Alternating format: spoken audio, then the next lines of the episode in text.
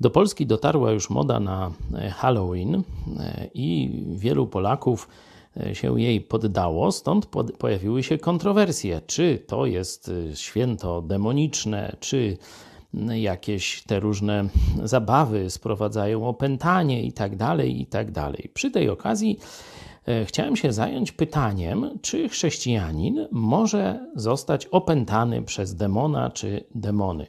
Polecam Wam najpierw lekturę tekstu E, profesora katolickiego, księdza profesora Kobylińskiego, e, który bardzo ciekawego wywiadu udzielił na temat nadużyć, jakie zdarzają się w kościele katolickim i w kościołach e, charyzmatycznych, zielonoświątkowych, z wypędzaniem demonów i tak dalej. Ale mimo wszystko profesor Kobyliński zostawia taką furtkę, że gdzieś tam to jest możliwe. Ja z kolei chciałem tę furtkę zamknąć. Otwórzcie sobie Ewangelię Mateusza, 12 rozdział.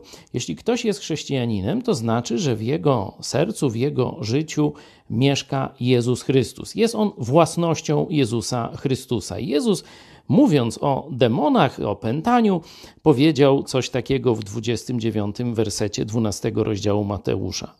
Albo jak może kto wejść do domu mocarza i jego sprzęty zagrabić, jeśli pierwej nie zwiąże mocarza? Wtedy dopiero dom jego ograbi.